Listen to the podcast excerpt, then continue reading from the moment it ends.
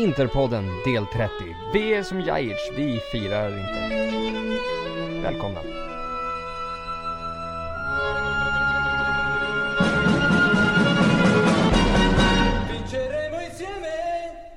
Jajamensan, något sånt där låter det även idag här i Interpodden. Det är del 30, vi börjar se slutet på säsongen här. Eh, vi har ett ganska fullpackat schema för dagen. Vi kommer prata om Utöver matchen mot Torino så kommer vi prata om de två nästkommande matcherna. Då på lördag mot Atalanta och på tisdag mot Cagliari. Vi kommer också prata lite grann om de två nya sponsoravtalen som klubben har slutit.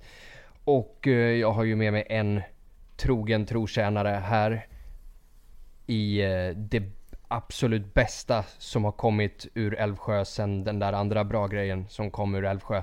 Mr Sendrak Thiago. Tack så mycket. Vad är den andra bra grejen från Älvsjö? Ja det, det borde väl du veta va? Borde jag det? Alltså, no. ja. ja, nu står det still här.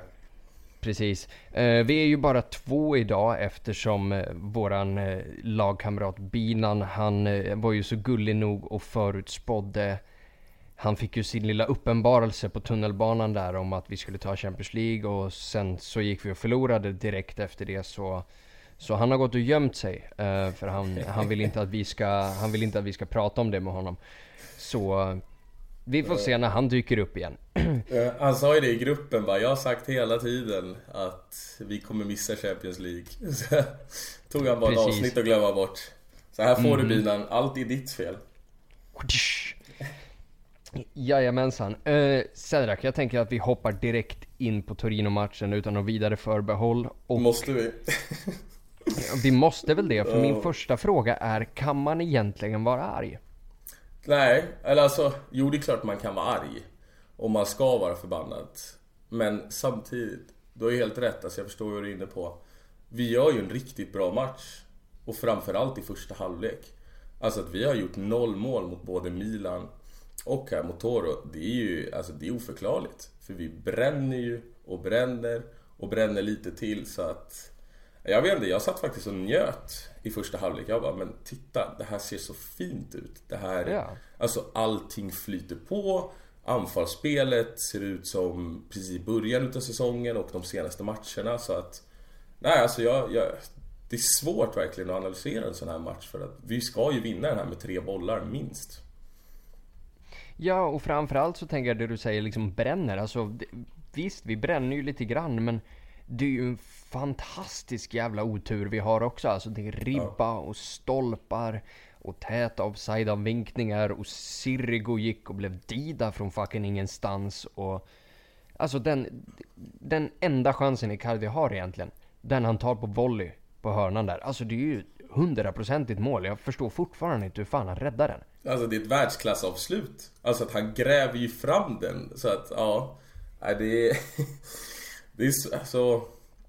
Man var ju, jag vet inte, vad, det är svårt att sätta ord på det. Vad man egentligen kände efter för att Som sagt, vi spelade ju riktigt bra och Det kändes som att, ja men nu, nu, nu är vi inne i ett flow. Vi, vi kommer runt på kanterna bra, vi öppnar upp ytorna i mitten.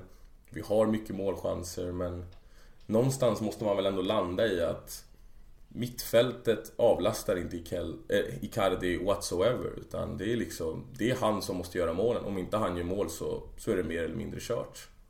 Ja. Om vi säger så, även när vi spelar så här pass bra Varför vinner vi inte? Eh, alltså, det är, för mig handlar det egentligen om att Mittfältet inte producerar. Jag satt och kollade lite nu innan på den här hur mycket mål de egentligen har producerat. Och det är rätt skrämmande läsning. Alltså Gagliardini har gjort noll mål. Mm. Rafinha kan man väl förlåta lite, men noll mål. Vesino 2. Valero 1. Broso 3. Kandreva 0. Och Perisic 9. Mm. Alltså som högerytter och starta i ett topplag. Varje match har han väl startat förutom en tror jag i år. Och göra ja, noll mål. Alltså det är ju det är en större bedrift än alla Cristianos 5000 mål som han har gjort eller Messis alla 5000 mål. Alltså att det borde ju vara omöjligt att ha gjort noll mål. Och det är liksom det det är där någonstans det ligger för mig att har du ett mittfält som inte avlastar sina forwards eller sin forward Med, alltså de hjälper inte till alls i produktionen framåt. Då, då blir det så här. Och vi, det här är ännu ett tecken på att vi är så beroende av att Icardi alltid är i slag. Och det håller inte sist, för att just nu är han inte i sin bästa form. Nu har han gått ner sig lite igen efter skadan. Och då står mm. vi här. Ja, och framförallt så, så tänker jag alltså att den positionen vi ligger på i ligan, sett till våra målproduktion om man jämför med resterande lag som faktiskt är där uppe i, i Roma, Juve, Napoli, Lazio. Alltså Lazio gör ju tre mål per match, minst. Mm. Ja, alltså. Så att vi faktiskt ligger där uppe bevisar ju att trots att vi har Dambrosio i backlinjen så sitter vårt försvarsspel klockrent. Ja, absolut. Och Dambrosio, för att komma in lite på han ännu en gång, men hans problem ligger ju inte i defensiven, i alla fall inte i år. Utan det är ju framåt inte. han är, precis som Binan har sagt tidigare, att han är ju han är ju otrygg med bollen, han, är ju, han har ju ingen slutprodukt. Men bakåt, där, där tycker jag han sköter sig bra. Så att där finns det ingenting att gnälla på. Och det är precis som hela försvaret att från ena säsongen där vi har katastrofala ytterbackar där de bara ger bort mål efter mål efter mål. Så har vi nu istället anfall där vi inte får in bollen för att den här matchen mot Turin såg ju precis ut som mot Sassuolo. Du vet när vi började tappa formen. Där, mm. vi, där Icardi brände, ja där var väl den tillsammans med Milan en av hans två sämsta matcher i år. Och sen jo. Dinese likadant. Där brände vi också massvis med chanser. Och det är som jag var inne på nyss, alltså att han har ingen avlastning. Det finns ingen annan som producerar framåt. Alltså Skriniar har gjort mer mål än alla mittfältare. Liksom ja, det är helt oacceptabelt. Ja, det är verkligen vad det är. Och att Kandreva får chansen gång på gång på gång. Det är liksom... Vad ser alla tränare i honom? Ja, jag, jag förstår att han... Han är lojal i försvarsspelet. Han löper på bra. Han slutar egentligen aldrig springa, så arbetsinsatsen kan man ju aldrig gnälla på. Men det händer ju ingenting framåt. Alltså noll mål, det är oacceptabelt. Det är för fan löneavdrag borde det vara. Ja, de, ja, definitivt. Och det är ju inte så att han inte har haft lägen heller. Liksom. Alltså, hade man spelat en 4-4-2 uppställning där yttermittfältarna hamnar betydligt längre ner i banan och man förlitar sig på två strikers. Liksom, då hade det ju varit en sak. Men... Ja, inte ens då är det acceptabelt att ha gjort noll mål. Alltså, Nej, självfallet men... inte. Nej. Nej. Eh, men mål blev det ju trots allt i den här matchen. Av Adem Djajic. Um, ja. Oh. Och han firade ju inte heller det målet mot oss. Uh, vad, vad, känner vi inför det egentligen? alltså, alltså allvarligt Jajic. Vi pissar på dig. Vi skiter fullständigt i dig. Du, alltså ryktena säger att han inte var någon vidare... Eh, vad ska man säga? Han eh, hjälpte ju inte direkt harmonin i omklädningsrummet eller så. Och att han inte firar för att det skulle vara respekt för våra fans, det fattar jag verkligen inte. Det är, det är ju mer respektlöst mot Torino-fans än om något. Det är inte ja, så att ja, det är en gammal precis. legend. Jag kände, jag kände exakt samma grej där och behöver man källor på den här, sprider harmoni runt omkring sig så kan man ju fråga Delio Rossi. Mm, ja, Efter, exakt. ifall någon kommer ihåg det när, när då 60 år gamle Delio Rossi kastar sig över, över Jajic när han blir utbytt och försöker slå honom sönder och samman. Alltså, Fortfarande, det var, det, var, det var vackert på sitt sätt. Alltså förstår du hur förbannad han måste vara på Jajic för att det ska gå så långt? För att han ska göra mm. det liksom framför hela världen. På TV, Jaja. alltså att det är, han, nej, jag har inte mycket över till Jajic alltså. Det. Nej, och just framförallt att man liksom, att man, nej jag tänker inte fira av respekt för ett lag där jag var på lån som inte ville köpa loss mig för typ 7 mille. Mm. Alltså det ja, var det... inte några så här astronomiska summor heller liksom. Nej, det är lika oförklarligt som våra brända chanser. För ja, lite, lite så alltså. Ja. Eh, och en grej till jag vill lyfta, jag vill egentligen inte prata så jättemycket om Torino-spelare, men jag vet inte om du vet något som jag inte vet, eller kanske liksom har varit på Torinos träningar eller liksom varit hemma hos familjen Ansaldi på middag. Men när lärde sig Ansaldi slå inlägg? Ja, det måste väl vara någon förbannelse i Inter att ytterbackar inte kan slå inlägg. Förutom Cancelo. Nej men alltså han var ju, han var ju så vedervärdigt jävla usel i Inter. Alltså knappt en boll rätt, knappt ett steg i försvaret rätt. Alltså han fick Alvaro Pereira att se ut som Maicon. Alltså den här snubben är... Var usel! Och nu bara matar han perfekta inlägg. Boll efter boll efter boll. Men är det inte det där lite interviruset som Kondogbia åkte på också att spelare pallar inte tröjan, de pallar inte pressen från San Siro och vi fans. Så, ja jag vet inte. Det, för han var väl en bra ytterback i Genoa också, vill jag minnas. Mycket alltså, bra i Genoa. Ja, alltså där tänkte man ändå någonstans att nu har vi löst vänsterbacken för en bra framtid. Man hade ju hoppats va? Ja. Eh, något som jag hade hoppats att vi skulle ha löst för en, liksom, för en ganska ansenlig framtid är ju Perisic. Men eh, jag vet inte med dig, men jag börjar tröttna lite grann. Jag har varit trött länge på Perisic och var, man fick ju äta upp det lite i början av säsongen för att jag tyckte att vi skulle ha skeppat iväg honom. Men... Ja, jag var ju emot den försäljningen faktiskt. Mm. Ja, och det är alltså... Som sagt, efter första delen av säsongen så tänkte man okej, okay, ja, ja, det här fick man ju äta upp. Men efter att ha haft en uppgående form nu senaste matcherna så var han ju ja, helt under isen igen och vad han gör där, du vet när... Eh, är det ett utav få misstag Sirigo gör när han släpper ut den till Perisic? Ja, den här lobben. Som, ja, exakt. Alltså, nummer ett. Hur kan du göra en så katastrofalt avslut? Alltså, att han inte ens får över målvakten är liksom bortom... Ja, vad ska man säga? Alltså att... Det finns inte. Det finns verkligen inte. Och sen att han inte passar bollen heller. Alltså han kan ju lika gärna slå den. Det är väl tre, fyra spelare som är helt ja. rena. Som man kan bara sätta ut den till. Och så har vi 1-0 så att... Mm. Nej, han var... Och framförallt om man då inte slår den passningen och väljer att gå på mål. Men bomba den för helvete. Alltså vad ska du hålla på och lobba från utanför boxen för? Är du Messi nu helt plötsligt? Skjut för helvete. Alltså... Sirigo står en halv meter ifrån dig. Alltså vart du än slår den, han kommer inte hinna med den. Nej. Inte en suck. Och det är en försvarare bakom också som täcker upp så att en eventuell lobb, det är inte ens säkert, även om han får över den så kommer ju ändå försvararen troligtvis hinna med den för det är ju inte så att den kommer gå i 180 km i timmen. Utan, nej, alltså jag, jag, vet inte vad han tänkte där och... Nej, det, det, det är katastrofal beslutsfattning från honom hela matchen. Alltså, han tappade ju verkligen boll efter boll efter boll. Ja, det... Det är så synd för att han har verkligen allt alltså. Han har fysiken, han är atletisk, han kan gå åt båda hållen, han kan avsluta med båda fötterna, han kan avsluta på huvudet. Alltså han har ju egentligen allt.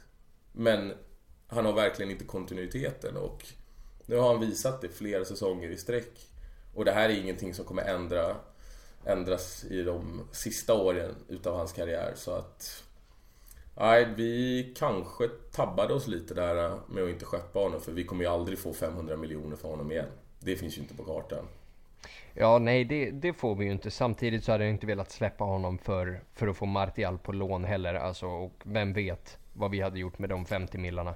Vi hade ju mycket väl kunnat ta Jajic för dem eh, ta tillbaka honom, legenden.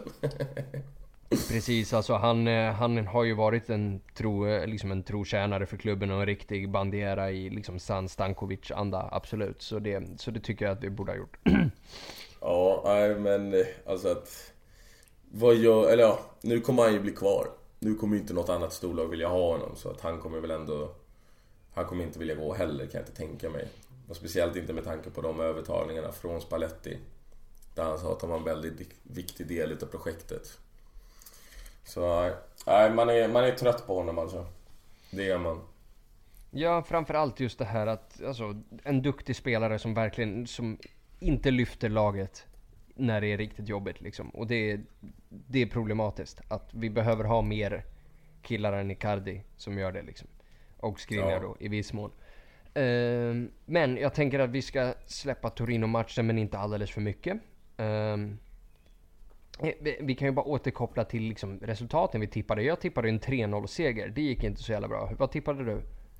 Jag tippade en 1-0-seger och att Perisic skulle göra mål så att, ja. Det gick aj, inte, aj, aj då.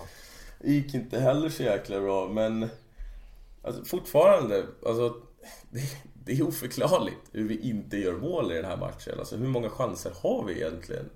Det, vi har ju, det är ju Det är ju Kardis först, det är Perisic nick, kan, eller vad heter det? Rafinha hade väl en i stolpen. Mm, Perisic Miran har en i ban. Ja, Miranda har en i stolpen. Mm. Alltså det var ju... Jag vet och sen inte, har tycker... ju, vad är det, det är Gagliardini där i slutet som har en boll som är på väg in som någon jävel plockar på mållinjen typ. Ja just det, den som Miranda nickar. Ja precis, den som Miranda sätter, sätter mot. Ja. ja, exakt.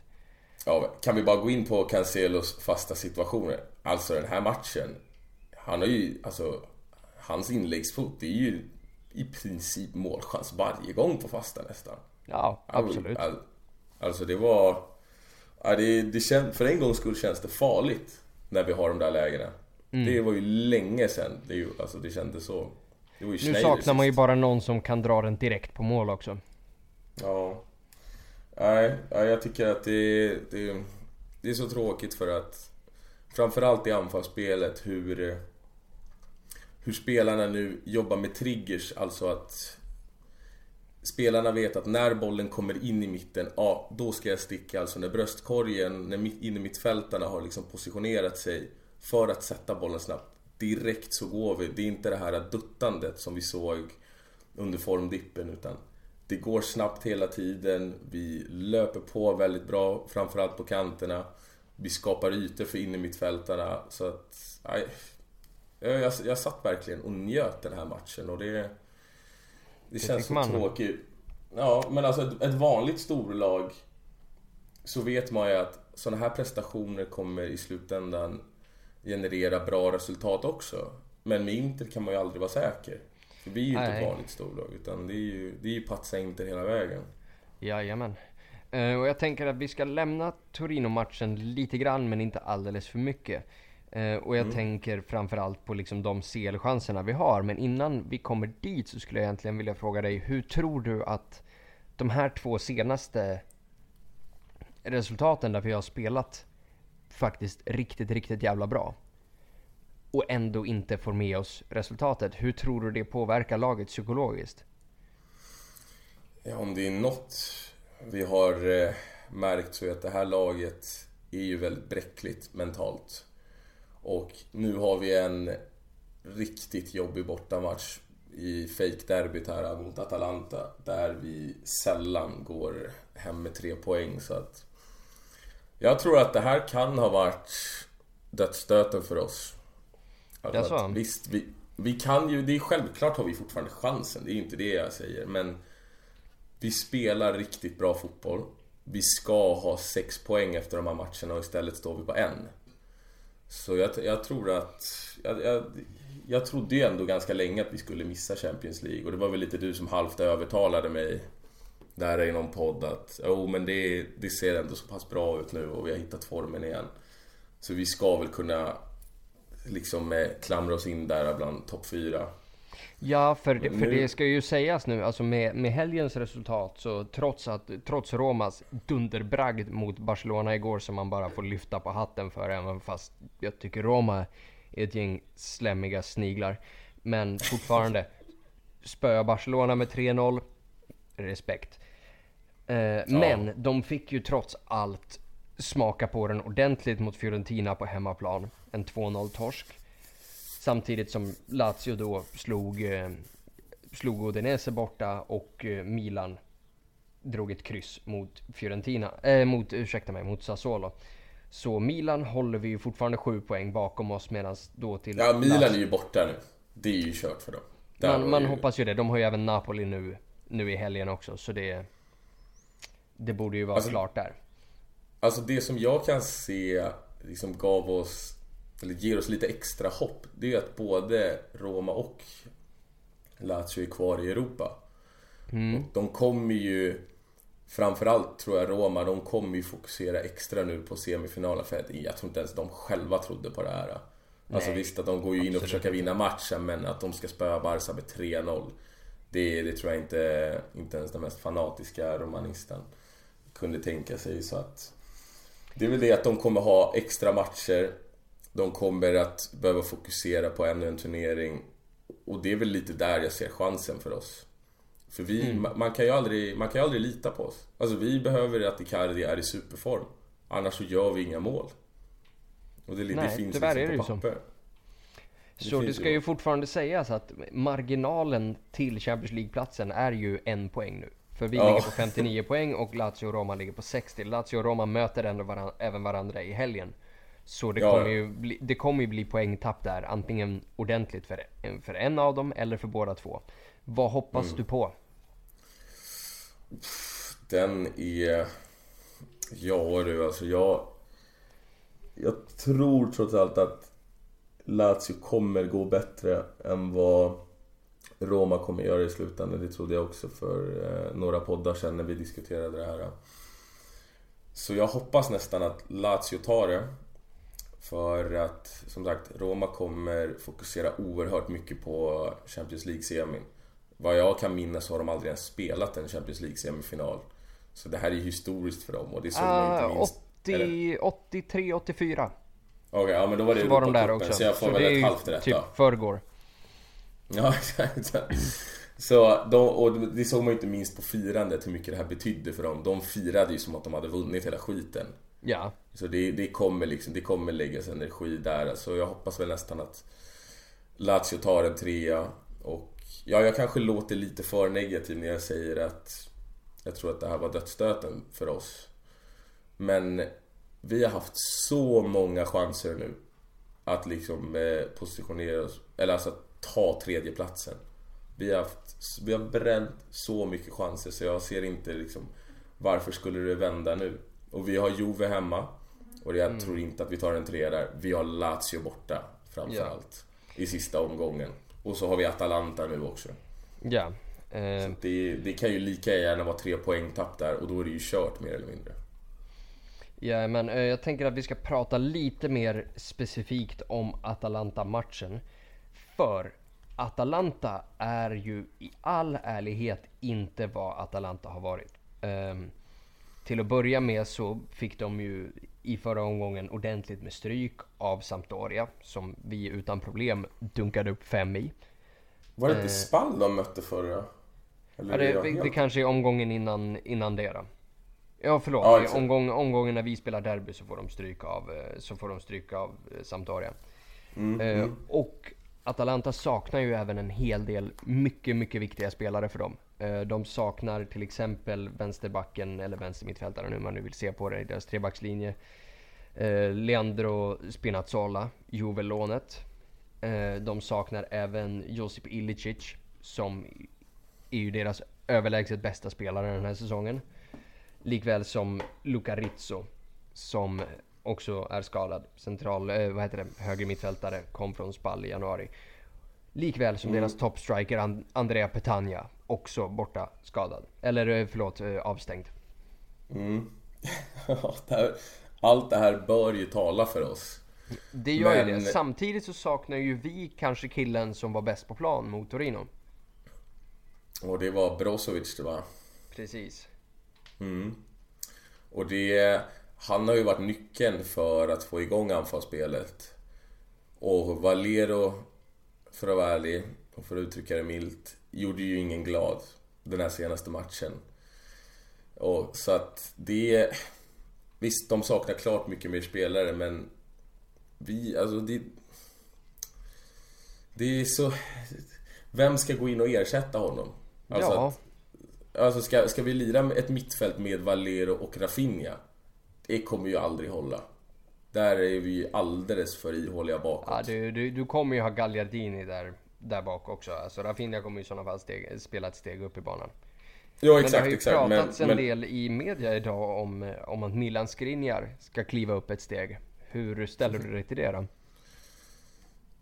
alltså, vad jag har läst mig till så har han gjort det bra i landslaget och jag tvivlar inte en sekund på att han eh, kan axla den rollen. Inga problem egentligen. Men då ska alltså Ranocchia antagligen in i försvaret. Till Ranocchias försvar då. Han har gjort en bra säsong. Alltså han har ju inte bjudit på några supergrodor så... Ja, det kanske är den bästa lösningen då. Att Skriniar tar ett steg upp. Men det är en position han inte har spelat i Inter.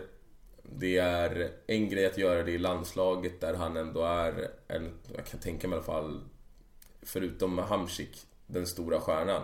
Mm. Och där liksom ska han få ta ansvar och, och måste liksom steppa upp. Här i Inter, då ska han gå in i ett nytt spelsystem. Inte för honom, men en ny roll i ett nytt spelsystem. Så... Eh, ja, alltså hur mycket har han drillat i den här positionen innan och nu... Fine att Atalanta saknar mycket spelare. Men jag, jag vet inte, jag, det kanske är ett bättre alternativ än Valero trots allt. Men vad kommer det, vilka signaler kommer det sända till Valero? Vad kommer, vad kommer omklädningsrummet säga om att en mittback petar en utav Spallettis egna köp? Inför ja. sommaren alltså. Det...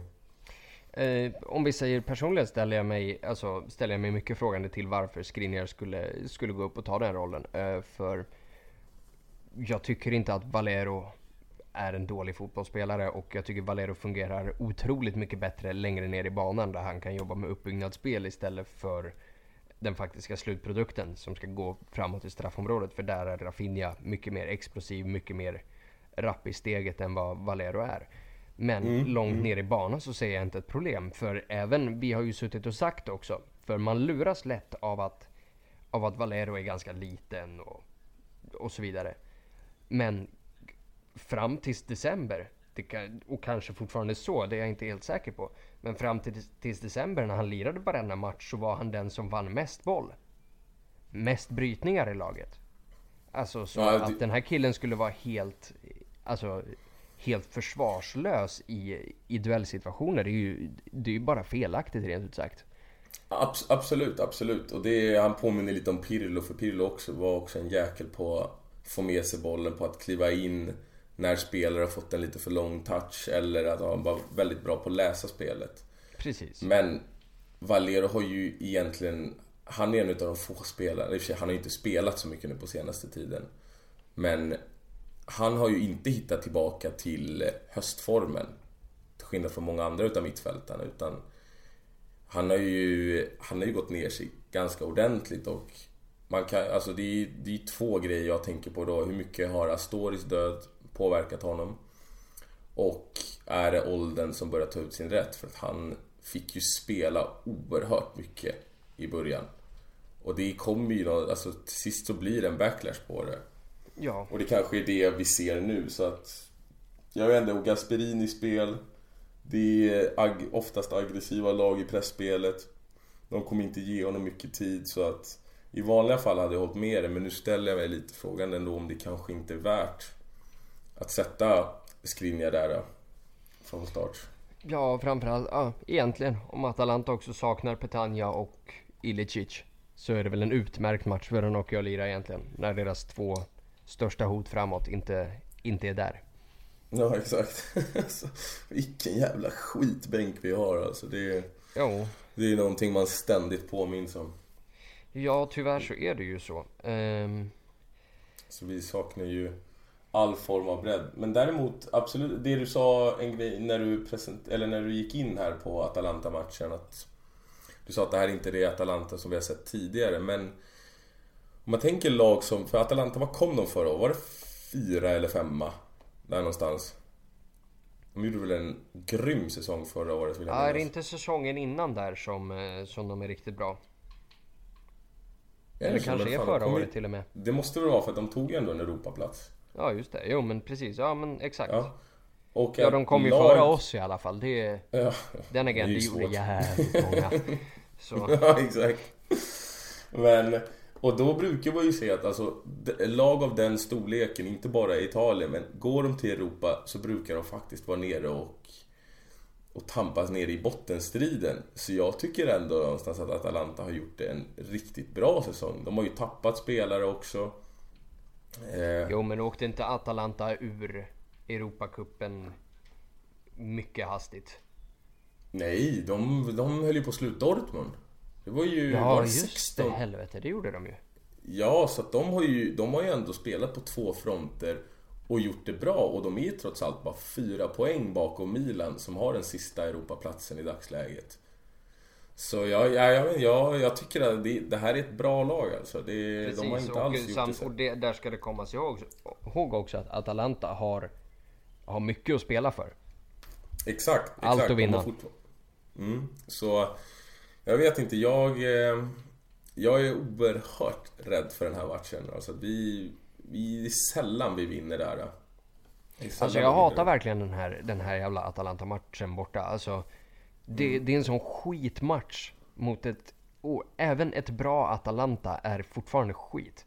Alltså, sorry, men det här är en, det här är en provinsiell småklubb. Alltså, man ska inte behöva ha ångest inför en match mot Atalanta. Man, det, ska, det ska fan inte få finnas alltså. Det... Bäh, fan vad frustrerande. Ja. Men, och, det bo, och det ska inte behöva vara det med tanke på hur bra vi har spelat nu på slutet.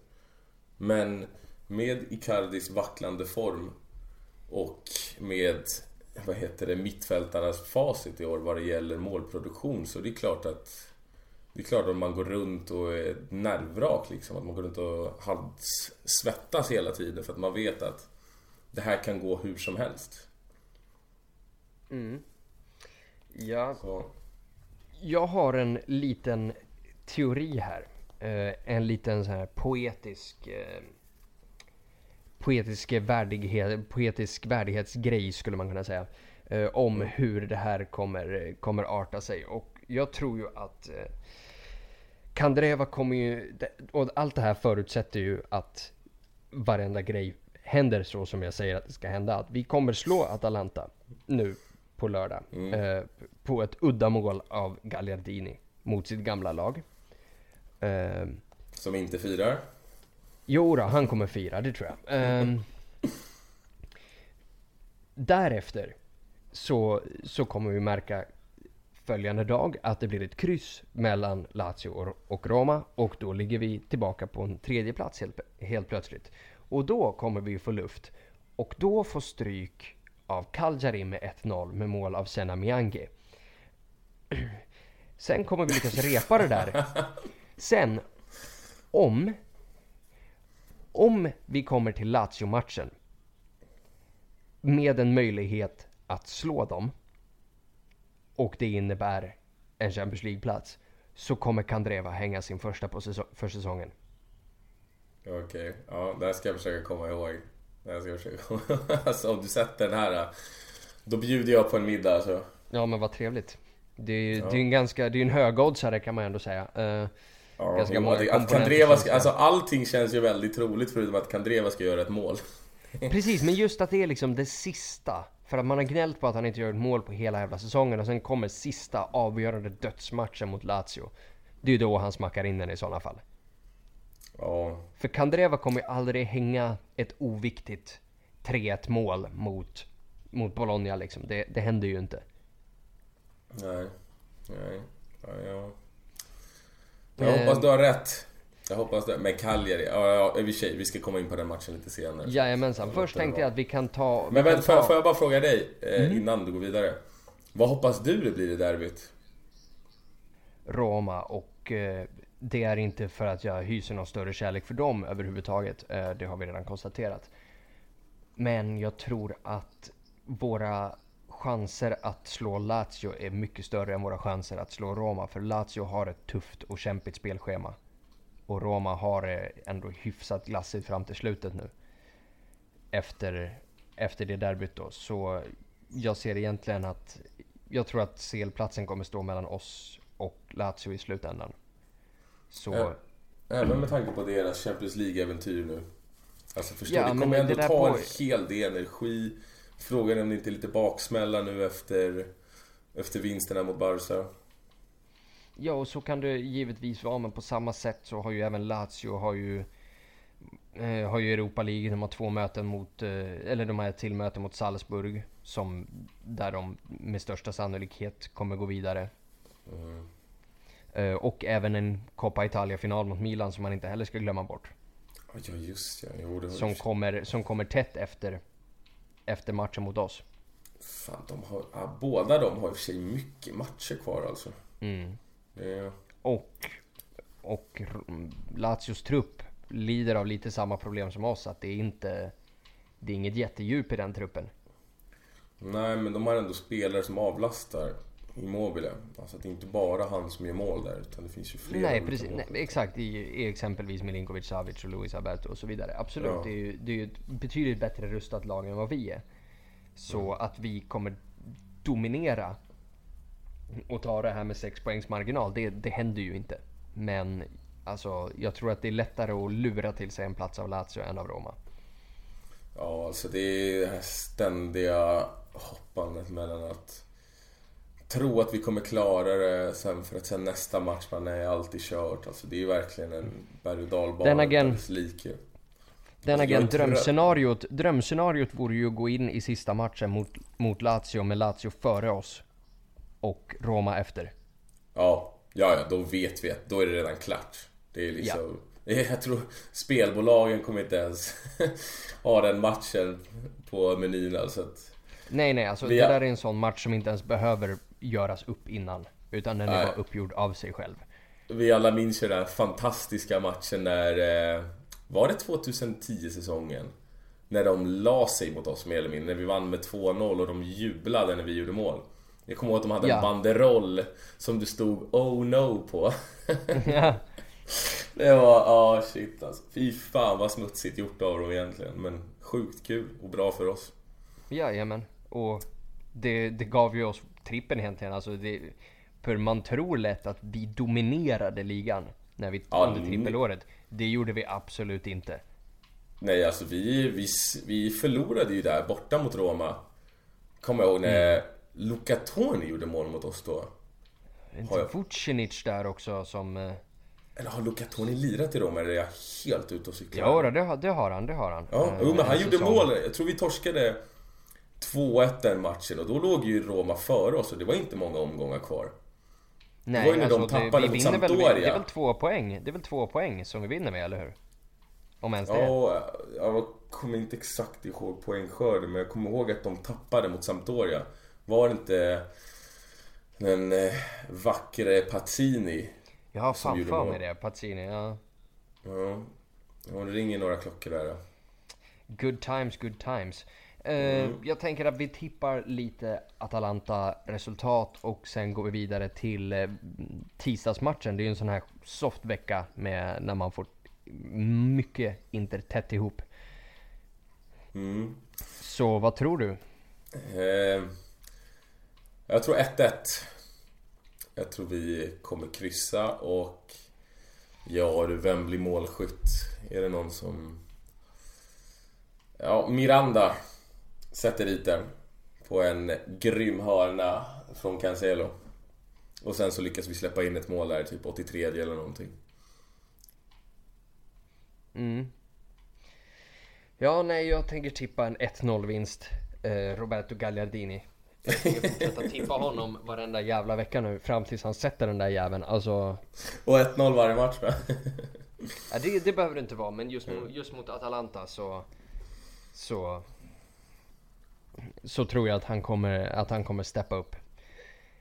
Eh, och eh, ja, med detta sagt så kan vi släppa Atalanta-matchen eh, och istället fokusera lite på matchen mot Cagliari på tisdagen. Eh, och där har vi ju en skadesituation som är om möjligt ännu värre än, eh, än den som Atalanta befinner sig i. Ehm, där de har alltså den mittfältsgeneralen Luca Cigarini borta med, med en fotfraktur och han kommer vara borta länge vad det verkar som. Eh, sen har de också Diego Farias, eh, Quang Son, han, Daniele De- Desena och Alessandro Deola borta. Likväl, likväl som brassen Jao Pedro som är avstängd på grund av eh, dopingbrott. Och det är ju, det är ju ett Juvelån, så det är ju inte så jävla förvånande. Ehm, Ja. Det säger ju sig självt. Ja men alltså Cagliari ska vi bara städa av. De har tre raka torsk. Den skadesituationen som de också befinner sig i. Alltså att vinner vi inte den så ja, då kan vi garanterat hälsa Champions hemma. Alltså. Ja, ja självklart, självklart. Och det, är- det är ju på hemmaplan också. Och vi, Alltså jag säger att våra, våra Champions League-chanser, de hänger på de här tre nästföljande matcherna. Du, alltså det behöver vara vinst mot Atalanta, vinst mot Cagliari och vinst mot Chievo. Det Ja. får inte finnas något annat. Nej, nej, vi får inte tappa några mer poäng. För att både Lazio och Roma, de har ju tappat ändå en hel del. Absolut, precis. Vi hade, det är ju det som är så fantastiskt jävla irriterande. Vi hade ju bara kunnat spika igen den här Champions League-platsen för fan månader sedan alltså. Ja. Alltså hur kan man från att ha göra klubbens bästa start, är det i historien va? Ja. Ja, till, till, ja, till det här. Att vi knappt, eller att vi ligger femma helt plötsligt. Alltså mm. det är... Ja, det är... Det är fruktansvärt på samma sätt som man kan lyfta den rent statistiska grejen att förra året så, så lyckades vi vända en hel del matcher. Där det, liksom, där det gick kämpigt men man lyckades kriga in en kvittering och sen lyckades sätta ett mål i slutminuterna. Eh, och den här säsongen så, har, så har vi varit, liksom, varit bra hela vägen fram till slutet. Men det är bara en enda match som vi har vänt från underläge till vinst och det är andra omgången mot Roma på bortaplan. Där vi vände ett 1-0 underläge till en 3-1 vinst. Ja, alltså det är... Vad, vad, säger det egentligen om truppen? Alltså den, den mentala biten. Alltså att hur... Hur starka är vi där egentligen? Alltså att liksom går... För att det såg man... Man såg lite det mot Toro, alltså att precis efter de hade gjort 1-0 så kom det en 10 minuters dipp där, där vi tappade vårt fina spel. Men sen så tyckte jag att precis sen när andra halvlek satte igång igen då, då var det samma, samma rull på det. Alltså att det, det gick fortfarande snabbt i anfallsspelet. Det var inte särskilt mycket Det var inte så mycket duttande inne på mitten och det flöt på. Så jag vet inte, det var... jag var inte beredd på den här på den här faktan alltså. På den här statistiken. Den, den såg jag inte framför mig. Alltså, vad säger det för dig? Om jag tänker den mentala biten. Ja, den mentala biten. Jag vet inte, alltså det, det här ska ju faktiskt ställas i perspektiv till det faktum att trots att vi ligger femma nu och trots att vi sitter med den här oron och hur fan kan det ha gått så här dåligt? Vi har faktiskt bara förlorat fyra matcher den här säsongen. Mm. Alltså det, vårt stora problem har inte varit att vi hamnar i underläge och inte kan hämta upp dem.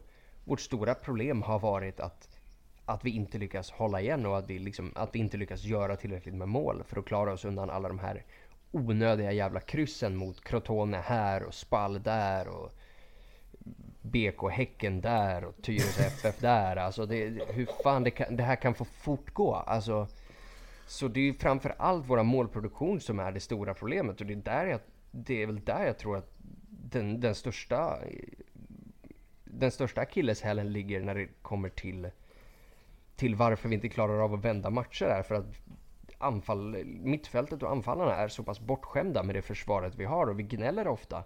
Alltså jag, jag har gnällt min beskärda del på Cancelo vilket jag får äta upp mer och mer per match vilket jag bara är glad att göra. På samma sätt som, som Bilang sitter och kastar dartpilar på posters av Dambrosio och så vidare. Ehm, men faktum är att de har släppt in otroligt lite mål den här backlinjen. Mm. Och jag tror att anfallet och mittfältarna förlitar sig lite för mycket på dem. Och mm. när de så när de då tappar in så blir det lite, lite chockmoment nästintill. Alltså det är uppseendeväckande med tanke på att vi har ju en bättre trupp i år. Vi mm. har en klart bättre tränare, alltså för mig den bästa tränaren vi har haft ända sedan Mourinho egentligen. Ja, absolut. Och att Spallettis lag har ju varit erkänt duktiga på att, alltså just i, anfalls, i anfallsspelet. Alltså hans lag har ju rullat på bra, ofta med väldigt vassa kanter, en bra forward på topp. Alltså båda hans sessioner i Roma så tyckte jag att båda de lagen imponerade. Och det var ju faktiskt Spallettis Roma som höll på att kosta oss trippen. Om jag inte ja. Nej, det Eller? är det inte. Det är Ranieris inte. Roma som håller på att kosta oss trippen. Ah, okej, okej, okej. Ja, men var inte, var inte Spalletti där innan då? Byggde Precis, han är, han är där innan, alltså ett eller två år innan. Ja, och det var väl när de kom tvåa där varje gång. Precis, precis. Ja, så att och var Ranieri ju... fortsätter ju på det. Och det var ett, det bästa Inter vi kanske har sett i historien, så att... Ja, och här... troligen kommer se. Ja, i alla fall under våran livstid. Så... Ja. Så nej, ja, det, det, är så svårt att sätta fingret på varför vi inte får Varför vi inte får igång målproduktionen. För vi skapar ju fortfarande chanser. Alltså det påminner lite om De Boer, för att De Boers lag också där skapade vi väldigt mycket chanser. Så jag tyckte att vi spelade bra ändå framåt. Alltså bakåt var det en jävla hönsgård. Det ja, jo men ifrån. precis. Alltså under De Boer så producerades det ju mycket mål liksom. Ja, och mycket målchanser. Och det är samma sak här men... Nej, det är... Har man en spelare som kan dreva som gör noll mål och startar varenda match, då... Det är klart. Hur mycket kan man lasta coachen för det egentligen? Alltså menar, ja, alltså du, han måste ju, han måste ju börja breaka in, eh, måste ju börja breaka in Karamo mer kontinuerligt. Alltså, Karamo var ju ute i pressen här och pratade om att, liksom, att Spalletti och Inter sa åt honom att ha tålamod och så vidare. Men hur mycket tålamod ska han ha egentligen? Alltså snackar vi Dalbert-tålamod här eller? Alltså... Nej, för jag menar, det är ju en grej om Kandreva producerar framåt. Fine, då får han ju sitta kvar där. Men jag menar, han måste ju ändå fråga sig, alltså killen har inte gjort ett mål än. Och har Nej, spelat. och Karamo har. Karamo har startat en match och gjorde mål i den matchen. Ja, exakt. Så att, och det var en match ja. utan Icardi. That is. Mm. Och där var det en match där vi verkligen behövde ett mål också. Och han kliver fram och gör det. Mm. Så att, ja. Med fel doja från distans. Alltså. Ja, jag satt faktiskt så. och såg det här med vår eh, göm... Med, med våran älskade binan här som har sprungit och gömt sig nu. Satt jag och kollade på den med honom. Det var då jag gjorde min poddebut faktiskt. Ja, just det. Så var det så, ja. Trevliga minnen. Mm. Ja. Eh, jag tänker en spelare som vi kan lyfta ur, ur Calgary. Alltså Calgary är ju... Är ju bland de osexigare lagen i ligan. Alltså varje år faktiskt. Alltså det de är ju inte så jävla spektakulära på något sätt. Men det pratas ju mycket transferrykten kring eh, deras mittfältare Nicolo Barella. Som sägs vara bland de första namnen på Inters önskelista inför sommaren. Och jag har min tydliga åsikt om Barella. Men Sendrak, hur, hur ställer du, du dig? Jag, jag kan vara ärlig och säga, jag har ingen aning. Alltså jag har inte koll på honom så att den här jobbar jag ett väggspel och passar den tillbaka till dig. Ja men tack, då tar jag ner den här och skjuter på volley och säger att eh, jag är inte impad alls. Alltså jag mycket har du sett den? Ja, alltså om vi ska... Det man kan ge killen cred för. Det man definitivt ska ge killen cred för att han är ung. Han är väl en 21-22 någonting. Men har spelat fan kontinuerligt i Cagliari under, under flertalet säsonger. Och det är ju absolut en jätteviktig grej i, om man då ska värva in en ung spelare. Men jag ser verkligen inte de Cagliari-matcher jag sett. Jag kanske har sett dem tre, fyra gånger den här säsongen. Men jag har verkligen inte sett honom briljera någon gång. Eller sticka ut med någon form av spetskompetens på något plan där jag tycker att, där jag känt att, ja ah, men det där var han ju duktig på. Att det där känns som en Torreira fast inte alls som Torreira framförallt. Ja. men... Jag har gjort sex mål ser jag här. Elva gula och ett rött så... Inga fingrar emellan där inte eller va? Ja, nej precis. Eh, men som sagt, nej, jag, mycket, som sagt mycket, mycket ospektakulär spelare. Och det är ju generellt den typen av spelare som jag brukar gilla. Men nej, jag, jag ser inte grejen alltså tyvärr. Nej. nej. Som sagt, jag, nej, jag, har, jag har ingen vidare koll på honom. Jag har ju faktiskt, alltså Inter har ju gjort att mitt fotbollsintresse har ju... Alltså, slocknat är väl att ta i, men... Från att kolla tre, fyra fighter per helg utöver Inter så kollar jag ju knappt någon fotboll längre för jag orkar inte. Alltså att de... När Inter går bra då kan jag absolut slå på en match här och där. Men eh, med de här säsongerna vi har haft sedan 2010 det, det blir svårt för mig att ja, men att följa allting runt omkring. Alltså jag tycker bara matcherna är jobbiga nog. Det är ju ångest liksom varje gång vi ska ha match egentligen. Så eh, ja, jag, jag har tappat lite det här att ha koll på alla rykten för att vara ärlig. Jag har tappat liksom kollen på de flesta Serie A-lagen. Förut så hade man ju liksom, då visste man ju varenda talang i varenda lag. I princip. Det har jag inte längre för att vara ärlig så att... Transfer, ja, rykten och sånt. Det, ja. det låter jag vara till dig Hampus Niva. Ja, ja, det är väl inte så att jag gillar transferrykten mer än, mer än vad någon annan gör egentligen. Det är väl att jag inte har något liv och massa fritid. Så vad ska man göra liksom? Alltså, man hade ju kunnat läsa en bok, eller så kan man göra det här liksom. Och herregud, Mm. man är ju man är inte sån liksom. Så, Jag jobbar ju med fotboll också så att jag har ju liksom fotboll dygnet runt så att Att sitta och läsa det. sen massa transfer news det är liksom det Det, det orkar jag inte längre det att typ Ena dagen så är han klar, nästa dag så Ja, är det inte ens nära och så är han klar, så är det inte nära. Så man blir galen. Det är, jag pallar inte med det där längre. nej. Eh, vi kan ju också nämna att eh, Calgeris egentligen bästa försvarare, vilket är ganska klent för eh, försvar, men Leandro Castan som har suttit på bänken i Roma eh, riskerar ju också avstängning eh, inför den här match, eh, inför matchen som de har nu borta mot Udinese, så det finns väl en gedigen risk att han kan vara borta mot oss också. I övrigt så är ju Calgary verkligen ingenting som man ska behöva oroa sig för. Det enda är väl att de fortfarande, de är ju inte, de är inte klara på något sätt. Och bottenlag som är inne i en... Alltså inne i bottenstrid, alltså chansen att åka ur. De tenderar att vara rätt jobbiga. Alltså de Ja, kommer ju absolut. kriga Om vi säger- livet ur sig och de kommer parkera bussen. Och vi har ju varit inne på det tusen gånger i den här podden men alltså... Att göra mål är ju inte direkt vår starka sida. Nej, nej, självklart. Eh, och det ska ju sägas då, det, det Senderek pratar om är att Cagliari ligger ju två poäng från strecket. eh, där eh, Spall och Crotone ligger på, på 27 delade poäng. Samtidigt som Crotone den här helgen har en ganska viktig bottenstridsmatch mot, mot Genoa. Mm. Som också är indragen i, i bottenstriden. Om än på distans, men de är fortfarande inte på sina 40 säkrade poäng. Nej. Nej. Ska vi eh, tippa lite då?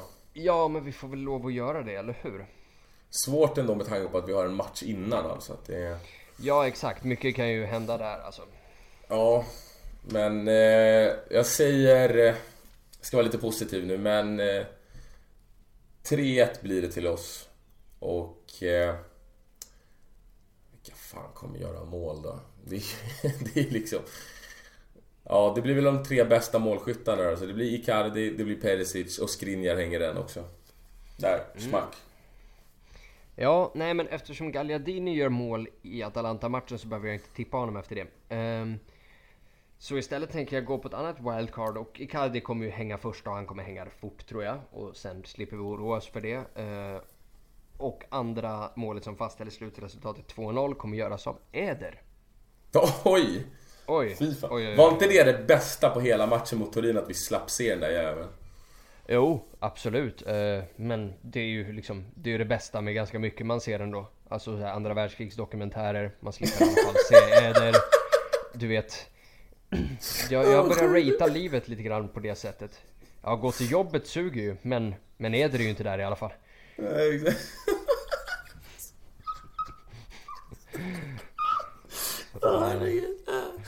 Ja, men, jag skulle säga något där men jag tappade det helt. Åh gud. Vad var, ja men, har Spalletti äntligen fattat grejen? Tror du, tror du vi får se Eder något mer i år? Ja i och för sig, då är ju Tippan då men... Jag menar, ja, jag det här var ju det. Alltså, det här är ju ändå en match vi, alltså nu, nu eh, vad heter det, refererar till Torino-matchen men Det här är ju en match vi ändå ligger under, vi måste göra mål och hans i princip enda anfallsalternativ låter han vara kvar på bänken. Han gör väl bara två byten? Nej just det, han tar in Ranocchia före Eder. Ja. Och för Alltså. Pinamonti också, alltså det är, Ja, ja, ja Pinamonte men det, det är hårt hur, alltså. hur mycket, Han kan ju inte ha imponerat mycket alltså om Ranocchia ska gå, gå Nej. före honom. Nej, det är ju, det är ju synd alltså för fan alltså det pratas ofta om att vi har såna talanger i, i, i primaveran och så vidare. För det var allt ifrån Longo till till Alibek till... Eh, Sebastian Ribas, uruguayanen, kommer du ihåg honom? Ja. Bombade in mål också. precis. Ja, det eh, vad fan är det mer vi har haft? Till Bonazzoli till eh, Puskas och så vidare. Och jag har Mm. aldrig trott på någon av dem riktigt på det sättet. Men den här killen, alltså han såg så äckligt lovande ut i primaveran och även Alltså jag, såg, jag, har sett honom, jag har sett honom spela på plats en gång och alltså rörelsemönstret var Zlatan-liknande nästintill. Så det här det är ju mycket svårt att förstå vad, vad fan som kan ha gått snett där. Ja, kanske pikade liksom. Det är ju... Det är inte ovanligt att fotbollsspelare pikar väldigt tidigt och de blir inte mycket bättre. Så att... Nej. Titta bara på alla engelska talanger. Fan, hur många har inte pikat när de är 21-22 och sen händer inget mer? Michael Owen är ja. väl ett perfekt exempel. Ni som Jajamän. minns honom. Lee Cattermole vann U21-VM och nu åker, han, nu åker han, nu är han lagkapten för laget som åker ur Championship liksom. Ja, åkte ut Premier League året innan det. Sunderland det, där är, det här är, måste ju också vara någon form av historiskt historiskt moment alltså. Det här måste ju vara första gången Lee Cattermole nämns i en Interpod någonsin. Förmodligen sista också. Alltså. ja, man, man får väl satan i mig hoppas. Bara därför. Tro mig, få fri transfer. Så kommer han. Ja. Våran äder på mitten. Uh, jajamän. Uh, jag tänkte att innan vi går på frågorna, för det finns ju så mycket mer att vrida och vända på här i Cagliari-matchen, så tänkte jag att vi ska prata lite snabbt om sponsoravtalen här som har dykt upp de senaste dagarna. Och eh, det här är ju vad Sunning är här för, det här är vad Sunning är bra på och det här är good shit people. Eh, vi har ju börjat med eh, att ha signat en deal med Beko som är ett eh, turkiskt elektronikbolag som gör bland annat dammsugare. Vilket jag tycker passar. Um...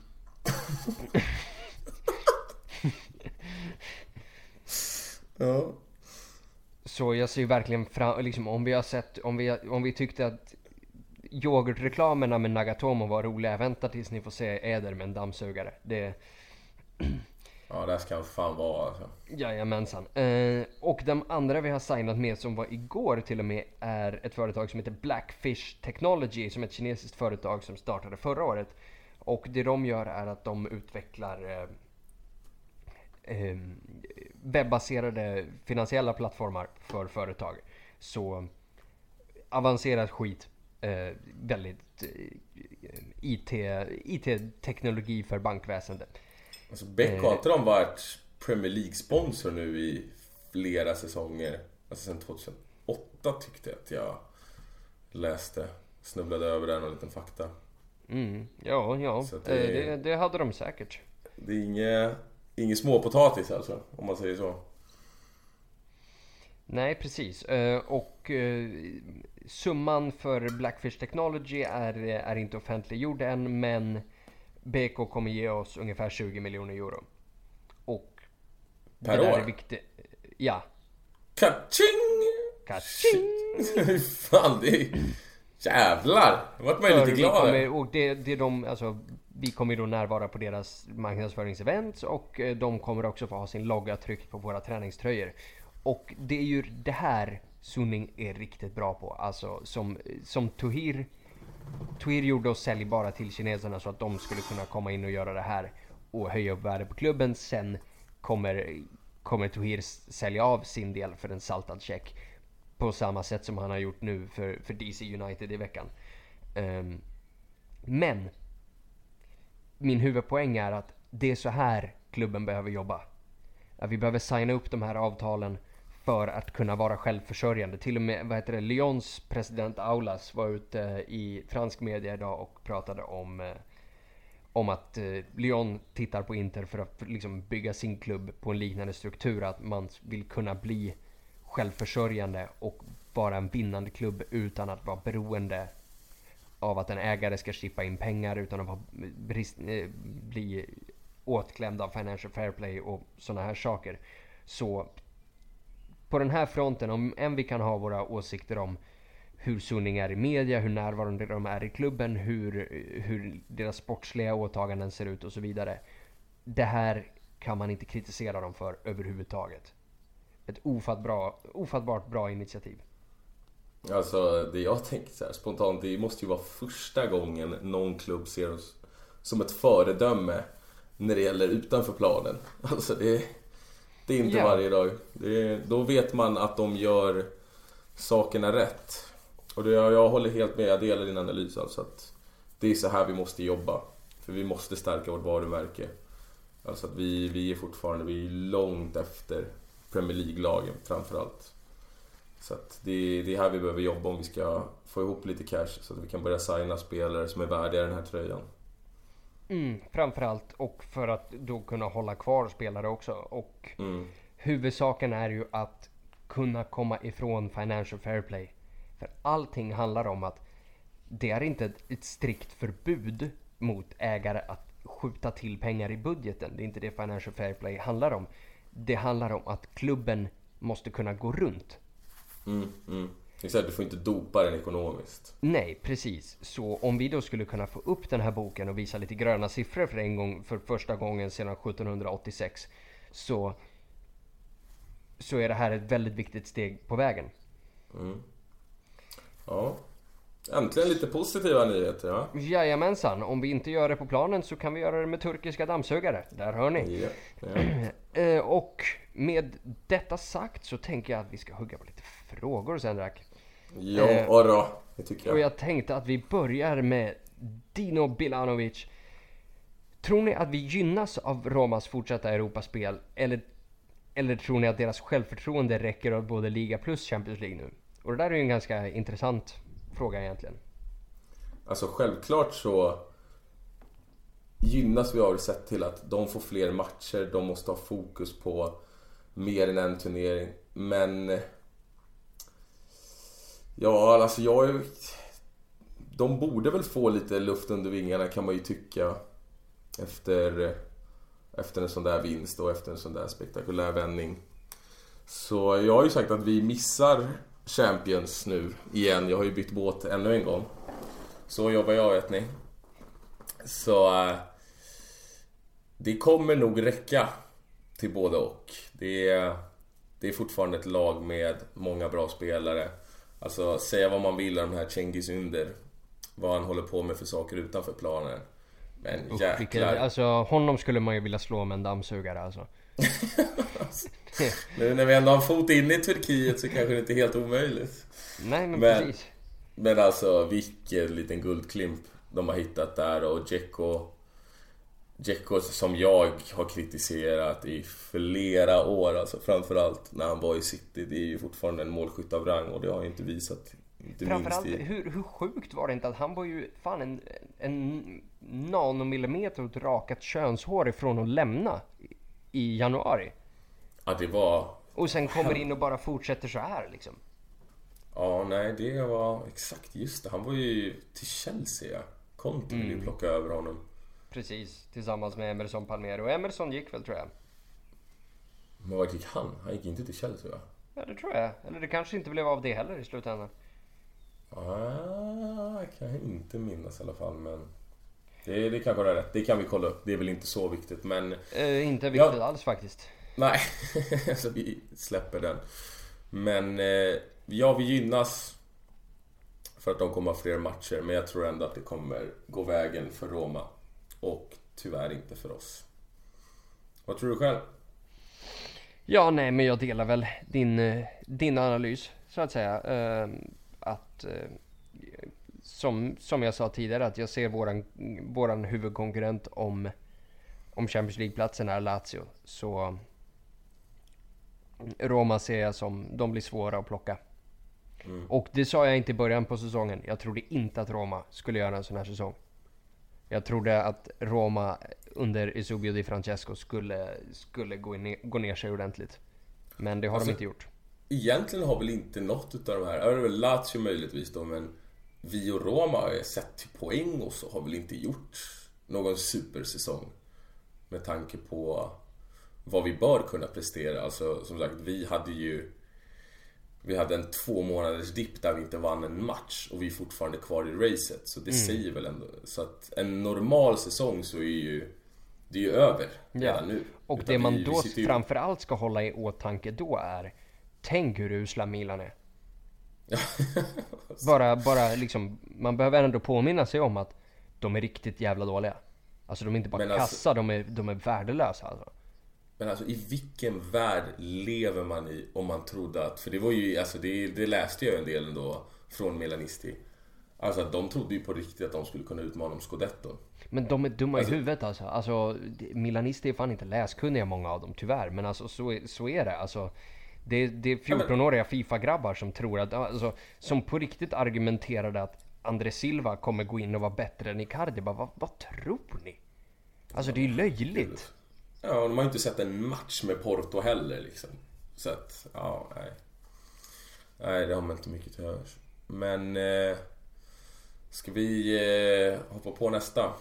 Mm, ja, det kan vi ju göra. Är det Amirs eller? Ja, men kör på det. Ja, men... Eh, Okej, okay, Amir Kosika.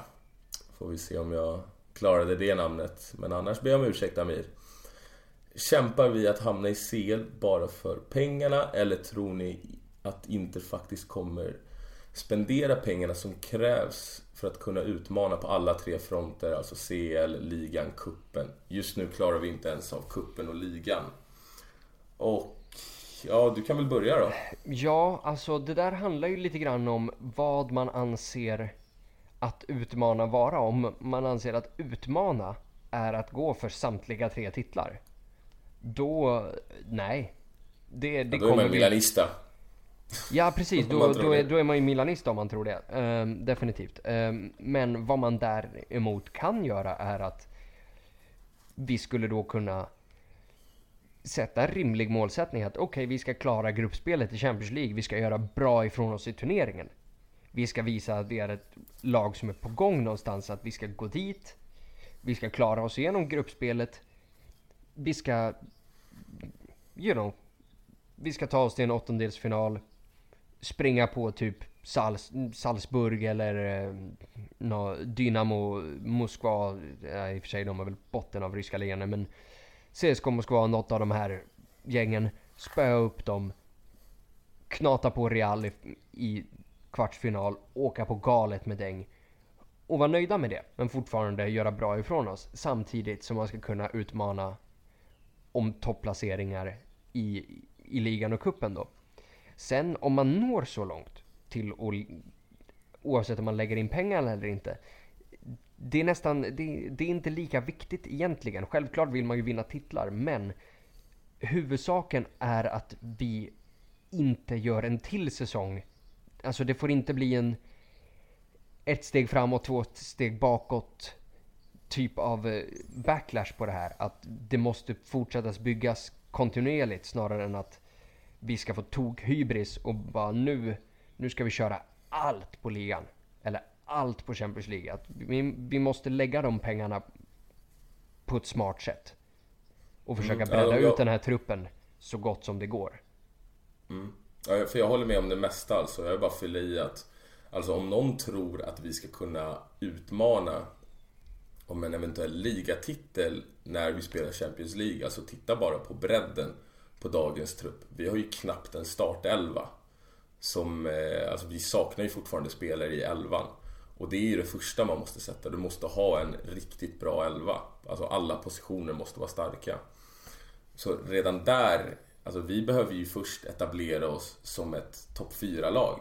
Vi har ju inte spelat Champions League på, vad blir det nu? Är det sju säsonger som vi inte har varit där?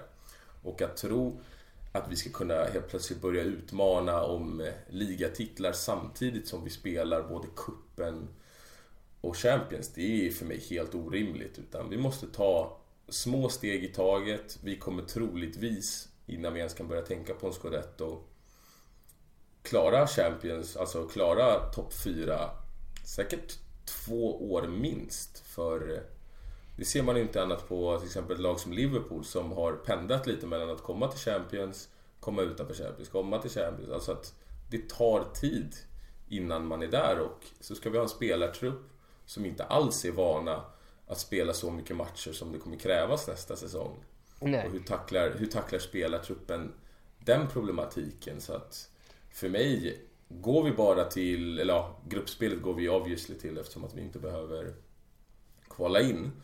Men eh, alltså, jag skulle inte ens vara missnöjd med om vi åker ut, ja, beroende på grupp. Mm. Eh, alltså om vi åker ut i gruppen och sen fortfarande tar en topp 4 placering. För att det, det är någonstans där det känns rimligt för mig.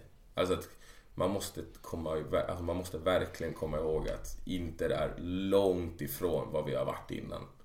Alltså det, det tar tid att bli, att bli trygga i att spela så mycket matcher, att förbereda sig på det sättet. Det är, det är en helt annan sak än att bara ha en ligamatch i veckan.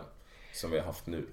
Samtidigt så, så vill jag också fylla på det att, vi, att jag tror att många interister behöver ta och revidera sin verklighetsuppfattning lite grann. För ja. vi... Om man kom in och började hålla på klubben under de här, alltså under de fyra, fem raka ligatitlarna som kröntes med en, med en Champions League-seger och en trippel. Det där är inte våran standard. Alltså det här som vi har sett de, de här åren, visst det har ju varit det allra värsta, värsta tänkbara. Ja, det här är inte vår standard heller. Nej, men vi ligger någonstans mitt emellan det här. Att mm. det, är inte, det är alltså- inte garanterade ligatitlar, alltså vi, vi är inte Alltså vi är inte Real Madrid, vi är inte en Barcelona, vi är inte en Manchester United. Alltså vi är inte en klubb av den, av den vikten. Nej. Så, Nej, så alltså, ser det, verkligheten det... ut och därför om vi säger utmana på alla fronter, det, det, tror jag definitivt att vi kommer göra för ingen av, ingen av spelarna i den här truppen kommer acceptera att nej men vi, ska, vi gick till Champions League men vi ska satsa på ligan så vi ska bänka startspelare. På, på, ungefär på det sättet som Napoli gjorde. Alltså det där, det där är ju helt oacceptabelt. Som na, när Napoli började bänka sina startspelare mot City liksom. Är ni roliga eller? Mm. Snacka om, att, snacka om att ställa ut skorna. Det där är, det där är ju bara smutsigt. Eh, mm. Samtidigt så ska man också komma ihåg att den moderna fotbollen är annorlunda. Att rotationen är inte lika viktig så som den var för 5-10 år sedan. Om vi, och om man vill leta exempel på det så titta på Contes Chelsea när de tog titeln. Det var det laget som roterade minst i hela ligan och vann överlägset. Och hade inget annat förvisso. Nej exakt, för det är en väldigt viktig grej. Förutom, förutom och... att de hade FA-cuper och, liksom, och Community Shield och alla de där 18 kupperna som, som engelsmännen har förvisso. Men... Mm, som ingen bryr sig om. Precis. Nej. Nej, så att nej, precis som du sa, vi måste, alltså Interfans måste titta tillbaka och för innan de där fem ligatitlarna, då hade vi inte vunnit sedan 89. Och det är med en hel del hjälp utav Moji, det får man inte heller glömma. Men eh, det är Juventus gamla sportchef för er som mm. inte har koll och han som hade 75 000 simkort, utländska simkort. Så ja, ni kan väl dra era egna slutsatser utav det. En riktig Men, eh, hyvens och ärlig person. Ja, ja, exakt. Så nej, alltså att vi är en klubb som vinner en enstaka ligatitel här och där och sen så är vi alltid i toppen. Men det är inte mycket mer än så. Nej. Nej, eh, ska du... Eh... Nej, kör, kör på du. Okej, Amir igen då? Jajamän. Ja, Amir. Det gillar vi. Shoot, shoot, shoot. Tror ni att Spalletti är rätt tränare att ta oss långt i CL? Hur har det gått för honom tidigare? Ja, det har väl ändå gått helt okej okay för honom. Alltså om vi säger han... Eh, hans Roma-kampanjer nu senast har väl inte gått... Har ju inte gått så jävla bra i all ärlighet. Men under sin tid i Zenit, sin tid i Zenit Sankt Petersburg så så kan man väl absolut inte klaga på den insatsen han har gjort där sett till det spelarmaterialet han har haft. Nej, och sen i hans första session i Roma, alltså nu kommer inte jag ihåg resultaten sådär men det jag vill minnas i alla fall att de gjorde det ju helt okej. Okay. Och sen ska man komma ihåg att Roma är Roma, alltså det här är en klubb som inte är i närheten av vad Inter är. Sett i titlar, sett i storlek, sett i fans. Visst kanske på hemmaplan, men Inter är ju ett varumärke som hela världen känner till. Mm. Roma är ju för fan, det är kanske någon... Ja, det är väl eh, alla Sveriges hipsters som har koll på dem liksom. Men det är ju... Det är inte i närheten av att ha samma storlek på klubben. Nej. Så att jag tror... Eh, han är absolut rätt tränare för oss i CL. Ta oss långt. Alltså det, det krävs att han ska vara kvar i minst fem år för att jag ska se att vi ska kunna ta oss till en eventuell kvart semifinal om det är det du tänker på. Och om det är något vi vet med den moderna fotbollen att tränare sitter inte sådär länge. Så han kommer ha försvunnit långt innan dess. Om han ens är kvar till nästa säsong. Mm. Jag, jag, vill bara kasta in en fråga här, Sendrak. Mm. Sett, till, mm. sett till Roma nu. Att de, de har inte gått till kvartsfinal sedan, sedan 80-talet. Um, ehm, Nej, semi. Äh, till semi, förlåt. Uh, inte gått till semi sedan 80-talet. Uh, och det är ju ganska ironiskt då att under hela Tottis tid i Roma har det aldrig gått så bra som det gör nu, säsongen när han slutade. Hur arg tror du att Marcus Birro är? Marcus Birro alltså. I fan alltså. Jag var faktiskt, jag hade ett gammalt ex. Hon var jättebra kompis med Marcus Birros förra fru. Så... Jag vet i och för sig inte vad det är för relevans här men Ja, Birro är väl skitförbannad men om det är något vi vet med Marcus Birro är att han alltid är förbannad och har världens största offerkofta på sig. Mm. Dygnet runt. Som han säkert slaggar i också så att... Ja. Han är säkert förbannad och det... Det hoppas jag att han är. Det tar vi en shot på Marcus. Uh, ja. Jajamensan, vi kan tugga vidare i frågorna kanske. Mm. Fadi Kayo. Vi har länge letat efter en vänsterback. Tror ni Marcos Alonso i Chelsea hade passat in? Han till vänster och Cancelo till höger? Ja, alltså... Ja, jag hade ju skitit av lycka alltså. Alltså vad, vad hände där egentligen? För det var ju ingen... Det var ju ingen märkvärdig spelare i Fiorentina. Nej, verkligen inte. The Conte-effekt. Ja, alltså Conte är en av de här tränarna. Precis som Klopp, precis som eh, Pep Guardiola. Alltså att han gör spelare bättre. Mm. Sarri också för den delen. Alltså att han är verkligen en trän... Alltså, han, får, han, är, han gör verkligen vad en tränare ska göra. Han ska utveckla spelare. Inte som Mourinho, du vet, som köper in ett helt lag och sen, ja, funkar inte så köper han ett nytt lag. Mm. Utan där är en tränare som verkligen kan få spelare att utvecklas och... Ja, alltså det är absolut. bara att kolla på, kolla på Conte i landslaget. Alltså Giaccherini var en av italienska landslagets bättre spelare. Eder var bra i landslaget! Ja, Franco fucking Vasquez liksom. Ja, nej han eh, hade gärna fått komma men med tanke på vilket lönekuvert han lär sitta på i Chelsea och vad vi skulle kunna erbjuda honom så har jag svårt att se att han kommer han kommer ens tänka tanken att komma till Inter. Kanske om två, tre år, du vet när han är lite så halvt avdankad och vi får de här Premier League rejectserna. Mm, jo. När jag, lite såhär Yahya Touré-aktigt, du vet när han var, när han var, var på G in, ursäkta. Ja, nej som sagt, det är Marcos Alonso den, den typen av spelare, det vore ju dundermysigt. Men eh, det tyvärr så är det nog att drömma lite väl långt. Alltså om vi säger när det kommer till vänsterbackspositionen så ska vi nog lägga huvudfokus på att försöka få tillbaka så mycket som möjligt av Dalbert-pengarna där. Alltså vi kommer ju inte få en spänn för honom. Ja, Marseille alltså, erbjudit sig att ta honom på lån och det var ju snällt. Herregud alltså. Ja. Ja, vi struntar i den för då blir det väl ännu Ja, det blir mörkt liksom. Lars von Trier-podd det här för fan. Ja. Ja, Amir igen. Alltså vilken jävla hjälte du är Amir. Tungt. Det ska du veta. Har ni läst något nytt om Icardis kontrakt? Nej, kan Nej. jag svara. Nej, det har ju varit eh, skrämmande tyst om Icardis kontrakt här. Eh, och det går ju att tolka på, på två sätt. Att delvis som att det är bra och liksom allting verkar ju lugnt och flyta på och sådär. Däremot så tycker jag ju att om det är någon gång man ska för, förlänga hans kontrakt, höja, mm, kontrakt, inte hans kontrakt utan hans kontrakt. Så är det ju nu. Eh, när han är lite urslag. Det är då man ska höja upp lönen och dunka upp klausulen ordentligt. Mm. När, när kamerorna inte är på honom hela tiden. Ja men för mig är det här ett jättebra tecken egentligen. För det är ju när förhandlingarna går lite i lås som det börjar, som Wanda börjar prata, som klubben är ute och dementerar eller vad de nu än gör. För det är, det är oftast då det känns som att man vill sätta press på spelaren eller på klubben. Så att det är helt tyst tror jag vi nog ska bara tolka som ett bra tecken att saker, saker är på G. För att annars så skulle man väl ändå lite halvt slänga ut lite meddelanden om att flagga för en eventuell flytt. Mm. Och det var, ju, det var ju ett tag sedan nu. Det var ju liksom där i vintras, där vid januari. Ja. Någon gång. Ja nej Så men det- som, som sagt det måste förlängas. Vi måste hålla kvar honom. Tappar vi honom så är vi, alltså det, vi är så fucked.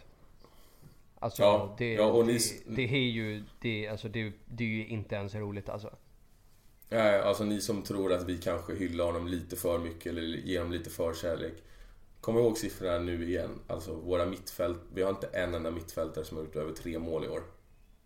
Alltså inte en enda mittfältare. Så det bör säga allt. Ja. Killen, Så ligger näst- på, killen ligger på, vad är det, 24-25 mål på 26 omgångar. Mm. Ja, det, det är bra. Huh, huh, huh. Eh, nästa då. Våran lilla, vår nya husgud Amir här. Har ni hört några rykten om nya mittfältare? Mm, ja, eh, jag har faktiskt läst ett eh, idag från, från tyska Bild som pratar om eh, Florian Grillitsch från Hoffenheim.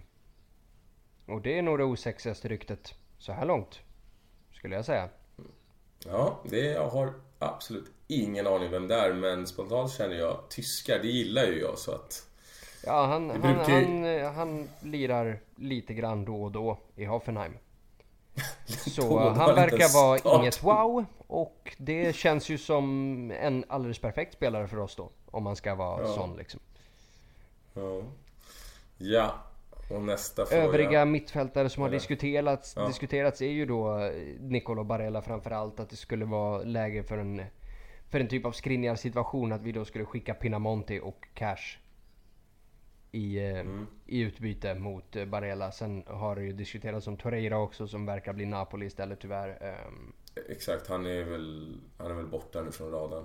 Ja, och, men det är väl det det är väl det det handlar om i, i stora drag. Eh, jag säger ju att den, den här, alltså en mittfältare måste vara prio nummer två på våra Mercato i sommar. Högerytten måste gå först. Men därefter behöver vi ha in en ordentlig, ordentlig mittfältare och om det innebär att vi får spela med Ambrosio en säsong till så får vi väl göra det. Men målen från mitten måste komma. Mm, absolut, och ja, som sagt. Högerytter är prio nummer ett. Alla dagar i veckan. Mm. Mm. Kommer Perisic lämna den här sommaren? Om han gör det, vem tror ni är en rimlig ersättare? Jag, jag tror inte att Perisic lämnar alltså. Jag, jag tror att Perisic heller blir, blir kvar tills... Alltså tills, inte tills det är slut kanske, men... Det är ju Tills inte så... Inter väljer att skeppa honom. Mer än att han vill gå eller vad man ska säga. Alltså att det kommer ju inte komma ett läge som eh, förra sommaren. Där United ville ha honom. Alltså Nej, det kommer och- inte komma någon sån klubb längre. Nej, och eh, det, det, det ska kommas ihåg också framförallt från, från i somras när, när han var på väg till United och anledningen till att vi fick honom att stanna var att vi signade ett långtidskontrakt på hög lön och tidningarna skrev att alright, Perisic, Perisic har, har valt att liksom att lägga resten av sin, alltså resten av sin karriär på Inter. Och det, det är ju så det kommer att bli. Alltså hans chanser att liksom ta och liksom spela på hög nivå, det, det är Inter. Det kommer inte bli en bättre klubb än Inter för honom. Nej, alltså det enda som skulle kunna göra att någon klubb vill ta honom, alltså någon riktigt stor klubb, det är om han gör ett helt sjukt VM och är bland de bästa yttrarna där. Vilket inte skulle förvåna mig. Inte mig heller med tanke på att VM också, kvaliteten håller inte lika hög nivå. Där så han skulle kunna briljera ännu mer. Ja, och jag tycker varje Men- gång man ser honom i landslaget så är han helt otrolig. Ja, alltså han var ju bäst i EM för Kroatien och han var ju en av de bästa spelarna i hela turneringen Ja, faktiskt. absolut. Utan diskussion alltså.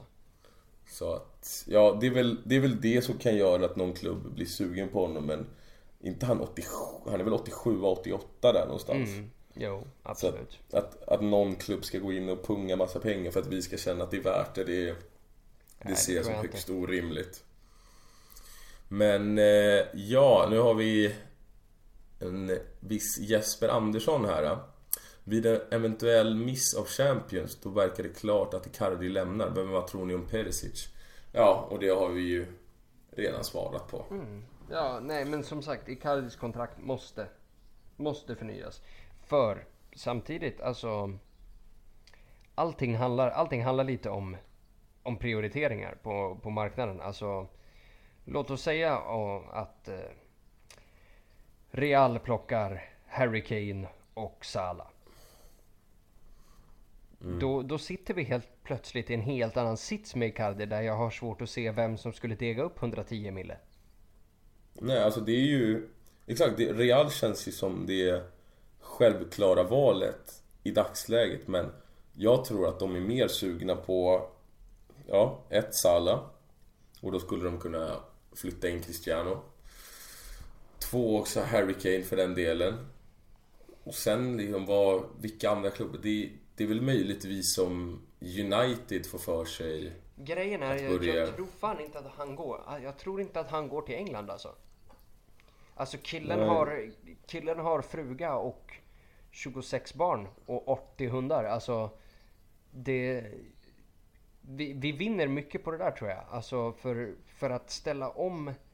Att för en argentinsk familj att ställa om sig från, från Spanien till, till Italien. Alltså det, det är inget stort steg men att då plocka sin argentinska supermodellfru och alla sina barn och flytta till regniga industristaden Manchester.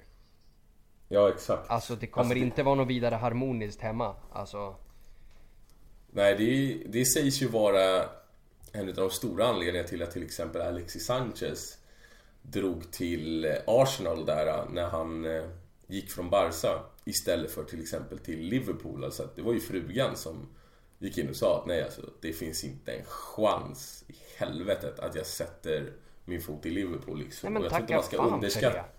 Ja, Alltså, men vem man ska inte underskatta... Ja, exakt. Alltså man ska ju inte, man ska inte underskatta vad heter det, betydelsen utav att en familj också är med och väljer i, alltså, i deras spelare, alltså i deras makar och alltså vad heter det, spelarens spelarens val helt enkelt. Mm. För det är inte det är inte bara han som ska flytta, det är alla som ska trivas. Det är inte, det är inte så att man bara spelar, vad man ringer upp honom och säger "Hörru, kom över hit, det är, det är bättre här borta. Utan det är ju, det är som du säger, det, är, det finns mycket faktorer bakom ett val utav klubb.